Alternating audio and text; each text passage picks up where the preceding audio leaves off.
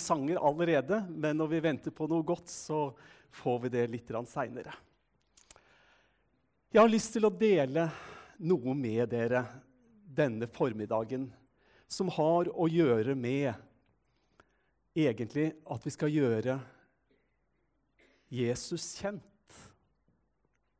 At uh, denne usynlige Gud, som jo er til stede men som vi jo ikke kan se.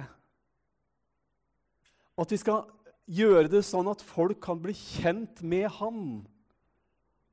Og vi skjønner jo at det kan være vanskelig. Når vi står og ser opp på myriader, ja, millioner på milliarder av stjerner, og vi skjønner jo at dette er så ufattelig svært Og eh, det er for oss å forstå at vi har en plass i dette. Og vi kan kjenne skaperen av alt dette. Vi kan ha et nært forhold med den allmektige, evige Gud. Det blir jo stort for oss. Jeg, jeg, jeg satt og leste teksten til Erik Bys sang om Hva er det den heter? Er det ikke om uh, Vår Herres klinkekuler? Og når, når han har drømt at, eh, at, vår Herre er ute og spiller klinkekuler, og så er det kloder som han bruker og, og dere kjenner det, det vakre diktet og den fine sangen. Men det gir oss en liten idé om en Gud som har alle disse klodene i sin lomme. Og det gir oss en idé om at det er noe som er stort. Og så er jo spørsmålet hvordan skal vi kunne gjøre Gud synlig? Og vet du hva? Det tror jeg at jeg vet. Og det er jo nokså frimodig bekjennelse. Men la meg fortelle deg, eller minne deg om det som Paulus skriver i Kolossensebrevet. Der står det Han, altså Jesus, han er den usynlige Guds bilde. Den førstefødte før alt det skapte. Ja, Gud, han er langt, langt der borte. Han er den uendelig store og ufattelige og ubegripelige. Men samtidig så kommer Guds ord til oss og sier at det er ikke slik at det er en uendelig avstand opp til Gud. Men det er faktisk sånn at han sendte Jesus. Og så kommer den andre personen i den hellige treenighet. Så blir Gud åpenbart, og så kan vi forstå hvordan Gud er. Så kan vi se på Jesus, og så kan vi forstå hvordan Gud tenker, hvordan Gud handler, hvordan Gud føler. Jesus han eh, ble født inn i denne menneskeslekt. Han ble en av oss. Så levde han sitt liv, og så omkring 30 år så gikk han ut i sin offentlige tjeneste. Så fikk han noen disipler. Ja, vi kan kalle det disipler, men vi kan også kalle det han fikk noen gode venner som delte liv med hverandre. Og en gang så hadde han sittet og bedt. Og disiplene de hadde sett det. Og så må det ha skjedd noe, for dette gjorde et sterkt inntrykk på hver eneste en av disiplene, tror jeg. I hvert fall etter at de har sett Jesus hadde bedt, og han var ferdig, så kommer disiplene, og så sier disiplene til Jesus, 'Herre, Lær oss å be. Dette er faktisk nokså spennende. Altså, De har sett Jesus be. Og Så kommer de og sier de, 'Kan ikke du lære oss å be også?' Og Jeg tviler vel på at det var pga. at Jesus klarte å holde sånne kjempelange, flotte setninger. Tvilsomt at det var at han brukte sånne veldig kompliserte hebraiske og arameiske ord som gjorde at disiplene ble så betatt. Jeg tror vel heller ikke at det var pga. at han fikk til en sånn flott skjelvetone. At, at når, når, han ba til sin far i himmelen, så ble de helt Ja, De ble så imponert over hvor grepet Jesus var, at de tenkte Herre, du må lære oss å be på den måten der. Jeg tror vel kanskje heller ikke det var at uh, han brukte sånne helt nye, flotte ord og begreper og termer at de tenkte at wow, hvis vi bare lærer å, lærer å be sånn, da kommer alle i synagogen og tempelet og syns at dette er så flott. Jeg tror det var noe annet. Det hadde noe med nærhet å gjøre. At når de så hvordan Jesu bønneliv var, så skjønte de at den Gud var jo ikke så, så veldig langt borte. Dere, bakgrunnen Bakgrunnen er jo Israelsfolket på vei ut av Egypt, på vei mot løfteslandet, på vei til Israel. Og så har de reist et stykke og så kommer den store dagen. Nå var liksom tiden inne. De skulle få loven, altså reglene, budene. Og Sinai-fjellet, oppå der skulle Moses gå opp, og så skulle han få steintavlene, de ti bud. Og så skulle rammene være lagt for hvordan israelsfolket skulle leve. Altså, Du kan bare tenke deg nå er dagen her, og folket er samla. Spenningen og frykten er veldig stor. Og I 2. Mosebok kapittel 19 så står det sånn Da ble det morgen den tredje dagen. Nei, da det ble morgen den tredje dagen, tok det til å tordne og lyne.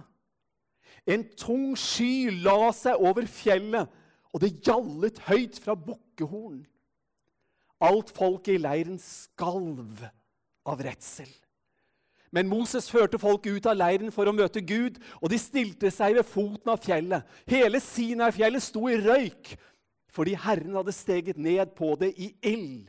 Røyken steg opp som røyken av en smelteovn, og hele fjellet skalv. Det er nokså mektige greier. Det var det de leste om hvordan det var når Gud åpenbarte sitt nærvær. Og I tillegg til dette så kommer Moses og advarer folket dere må ikke komme for nær. For kommer dere for nær, så kommer dere til å dø. Dette er bakgrunnen for disiplene når de ser Jesu bønneliv. Og de ser hvordan han ber til sin far i himmelen. Og de kommer og sier, 'Kan ikke du lære oss å be?'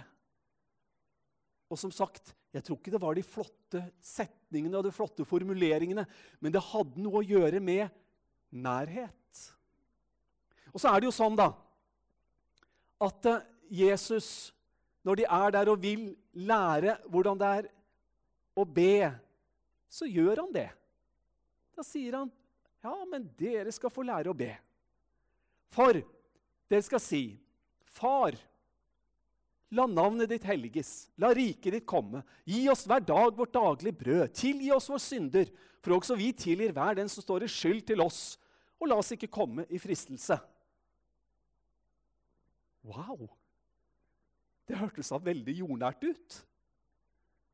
Men hvordan var det for disiplene å høre Jesus si Dere kan begynne bønnen med å si 'Far', eller 'Fader vår', som det jo var oversatt tidligere. Dere kan begynne med å si 'Far', for da har dere liksom satt tinga på plass. Dere, Tenk forskjellen fra Sinai-fjellet, der hele fjellet står og skjelver, røyk og ild, og de får beskjed 'Kom ikke for nær, for da skal dere dø'.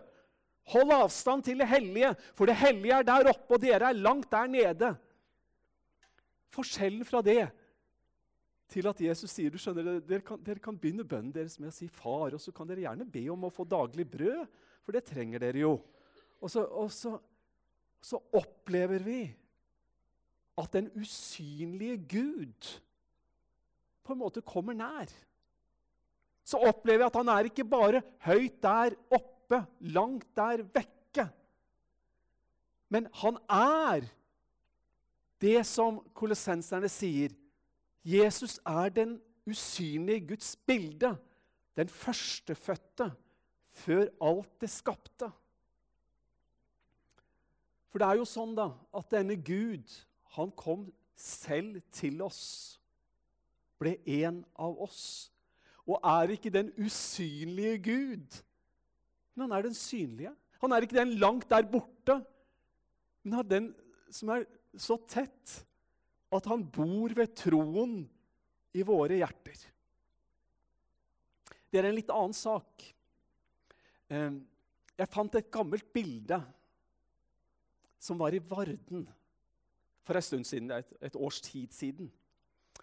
Og eh, det er et bilde der fra Odd, som har spilt fotballkamp. De vant en kamp i fjor.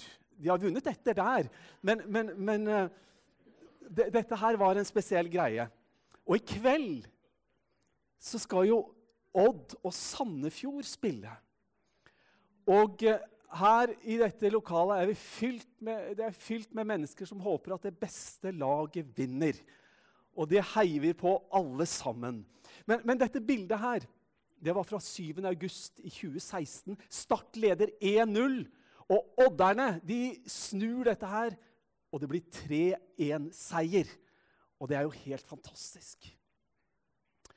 Jeg er jo trønder. Skjuler det relativt godt. Og så bor jeg i Sandefjord, og så heier jeg på Odd. Men, men, jeg husker jo selvfølgelig hvordan det var å være på Lerkendal som åtteåring. Å stå der og rope 'futt og fart, hvitt og svart, Rosen, Rosen, Rosenborg'. Og hvis jeg prøver, så kan jeg til og med snakke litt trøndersk. Ja. Det er ikke så lett for meg, men om det kommer bort noen til meg og sier at du, jeg, ja, jeg òg, så skjønner jeg jo hva det betyr for noe. Jeg, ja, jeg òg. Alle skjønner jo det som har bodd i Trondheim. Og, og, ikke sant? Man blir dratt litt i forskjellige retninger. Men en supporter har en oppgave. Supporterens oppgave det er å heie. Og, og, og disse her trønderne, hvis de står og synger at 'ingen banker RBK', så vet vi jo at det er feil. De går på tap etter tap. Riktignok nokså sjelden, men det skjer. Og, og, og, når odderne står og synger om at det beste laget i verden er Odd, så synger vi jo med glede og med overbevisning, selv om vi innerst inne vet vel at det fins lag i denne verden som er enda bedre. Men supporteren har en oppgave.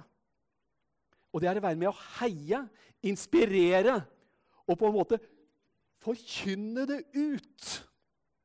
Det er en oppgave som vi har fått. Du, Gårsdagens Varden, siden jeg hadde et bilde fra Varden. Gårsdagens Varden, Der sto det noe om at Katrine er forelska i Skien. Og så var det noe om hva statsråd Sylvia Listhaug mener for noe. Og så var det en sånn skikkelig gladnyhet om at det, det er jo ikke skummelt på skolen likevel. Men tenk om førstesida hadde vært annerledes. Tenk om førstesida hadde vært sånn. Det er ikke sant at Gud hater oss. Han elsker oss og vil veldig, veldig gjerne at vi skal bli hans nære og gode venner. Tenk om det hadde vært førstesida i Varden. For det er faktisk mange som har en tro på en Gud, men som tror at denne Gud er en lunefull og skummel greie. Det er flott med litt sang. og Det må dere ikke la dere forstyrre av. Det forstyrres ikke jeg av. Du, tenk alle de mennesker som tror at Gud ikke er ålreit, men at det er en Gud som er ute etter å straffe og, og forfølge oss nærmest. Og til slutt så ønsker han å kaste de fleste i en evig fortapelse. Og at det skulle være noe av det som Gud hadde lyst til og ønsket og hadde som mål. Tenk om alle de mennesker som tror det, kunne få en forståelse av at Gud faktisk er glad i oss og vil oss det beste. Dere, dette er nyheter. Dette er noe som jeg har lyst til å rope ut som en heiagjeng, som en evangelist. Som, som har lyst til å, å være med og, og, og, bare rope det ut. Og da er det ikke en sånn virtuell, fiktiv virkelighet. Da er det sannhet. Da er det ikke bare at man sier at ingen banker RBK. Men da står man og sier at vi er elska av Gud, at Gud ga sitt liv. Sendte sin sønn, den enbårne, for at ingen skulle gå fortapt. Du, vi har en oppgave i å gjøre Gud synlig. Det er å gjøre Jesus kjent. For å si det sånn Vi må nå ut med evangeliet om hvordan Gud er. Og så er det jo sånn, da, at jeg tror jeg vet hvordan vi skal gjøre det. Det er å løfte Jesus opp. Det er å la folk få høre hva Jesus sa for noe. Det er å la folk forstå hva Jesus gjorde. Dere, han er den usynlige Guds bilde, har vi lest denne illustrasjonsbildet, det er jo fra hvordan Jesus kommer inn i en familie hvor det er nød og sorg, og hvordan han med sin guddomsmakt gir livet tilbake igjen av kjærlighet og godhet, og som en forkynnelse av at en dag skal det ikke være død, sykdom, lidelse, smerte, atskillelse mer. Det hører dette livet til med forgjengelighet, men en dag så skal det aldri mer skje. Og så lot han folket få et innblikk i det, men ikke bare det. Han så en enkel, liten familie som trengte hans hjelp og berøring. Og så kommer han inn, og så sprer han velsignelse og glede. Det var noen som kom til Jesus og sa, 'Hvilke bud er det største og det viktigste?' Og Jesus svarte, 'Du skal elske Herren din Gud av hele ditt hjerte, av hele din sjel og av all din forstand.' Dette er det største og første budet. Men det andre er like stort. Du skal elske din neste som deg selv. Og dere, jeg vet dette er vanskelig å tro, det som står der. Men jeg har lyst til å si jeg tror på Bibelen. Jeg tror dette er sant. Enda så revolusjonerende det er. Enda så Ja, det snur opp ned på så uendelig mye. Men dere, dette tror jeg på. Det største budet. Du skal elske din neste som deg selv. Ja, du skal elske Herren din Gud det er underforstått. Det ligger der. Men du skal elske din neste som deg selv. Og dere, hvis du oppfyller det, kan du da gjøre hva du vil? Jo, du kan det. Jeg ser hvordan, det, er nesten vanskelig for oss å si, så jeg så mange rista på hodet. Nå, nå, nå mener jeg ikke også, altså, det, det, kommer an på hva man mener. Så jeg, jeg tror ikke vi er noe uenige. Men du, jeg har lyst til å si jeg tror vi kan gjøre hva vi vil hvis vi oppfyller dette. Jeg, jeg tror at det er sant, det som står her. Men, men, men kan du stjele da, hvis det at du skal oppfylle det? Nei, du kan ikke det. Du oppfyller ikke kjærlighetsbudet hvis du stjeler eller lyver eller bryter ekteskapet. Hvis du ikke tenker på barna dine når du skal prioritere. Hvis du vasser i rikdom og ikke gjør en katt fortred og tenker at ja, men da er det vel greit. Det er ikke å oppfylle kjærlighetsbudet, det er å, å, å, å, bygge opp under sin egen egoisme. Det er ikke å oppfylle noe kjærlighetsbud og bare tenke på seg selv og ikke tenke på sin neste. For du skal jo elske din neste. Du, Paulus han forklarer dette litt nærmere. Men, men, men før jeg siterer fra Galaterbrevet, så, så skriver jo Paulus at uansett hva du gjør Han, han sier at, at, om jeg gir alt jeg eier, til brød for fattige Ja, om jeg gir meg selv til å brennes, men ikke har kjærlighet, da har jeg ingenting vunnet, sier han. Så, så det belyses fra to forskjellige synsvinkler.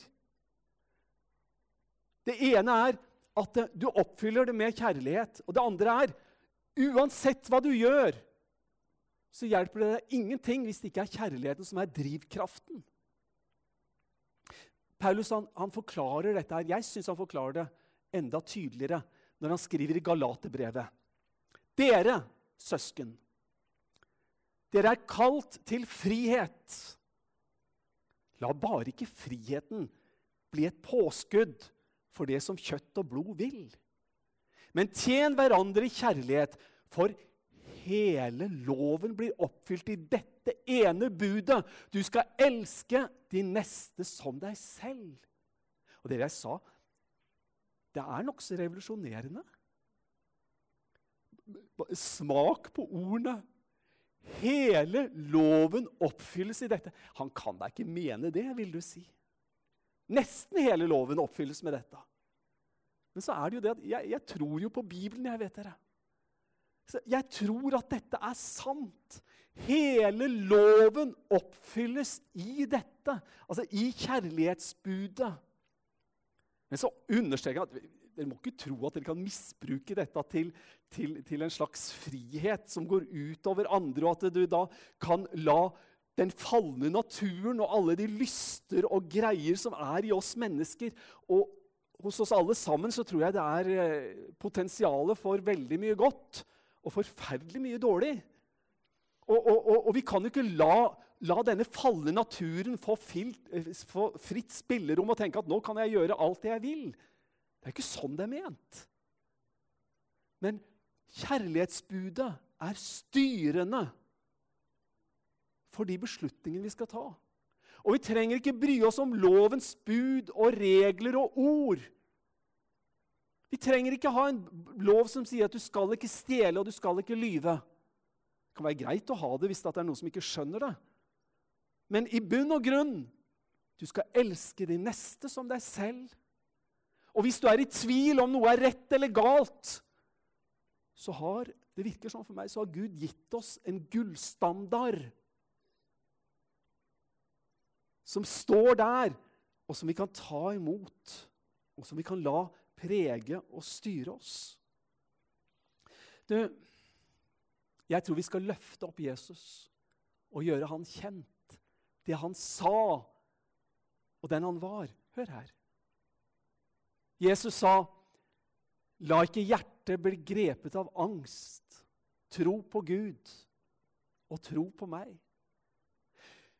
Et nytt bud gir jeg dere. Dere skal elske hverandre som jeg har elsket dere. Skal dere elske hverandre. Elsk deres fiender, velsign dem som forbanner dere. Gjør godt mot dem som hater dere, og be for dem som mishandler dere og forfølger dere. Jeg er veien, sannheten og livet. Ingen kommer til Far uten ved meg. Og se, jeg er med dere alle dager inntil verdens ende.